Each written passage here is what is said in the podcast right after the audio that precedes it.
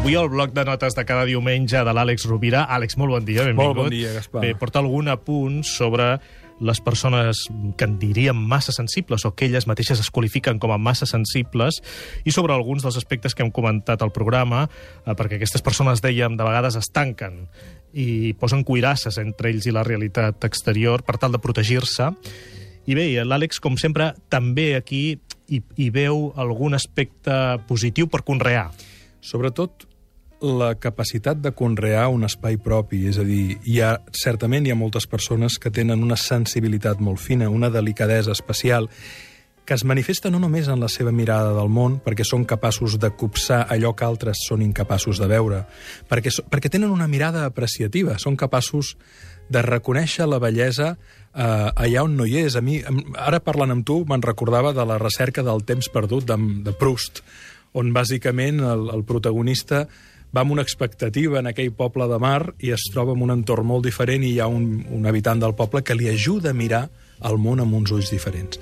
Què passa aleshores? Que pot produir-se certament que aquestes persones que tenen aquesta mirada especial se sentin soles, se sentin aïllades perquè el món no ressona o no reconeix la seva mirada i la, la seva percepció.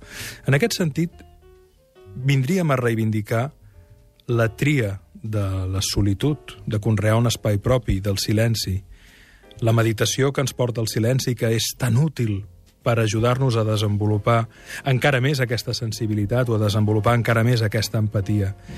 Precisament, si moltes persones que tenen aquesta sensibilitat, en lloc d'adaptar-se i sotmetre's a ser qui no són, conreessin això, podrien desenvolupar probablement llenguatges creatius que finalment són molt terapèutics i ajuden al món a mirar, a, a, a tirar endavant què, què hagués estat el món sense un Van Gogh, què hagués estat el món sense un Proust, què hagués estat el món sense un Kafka, què hagués estat el món sense una Marie Curie.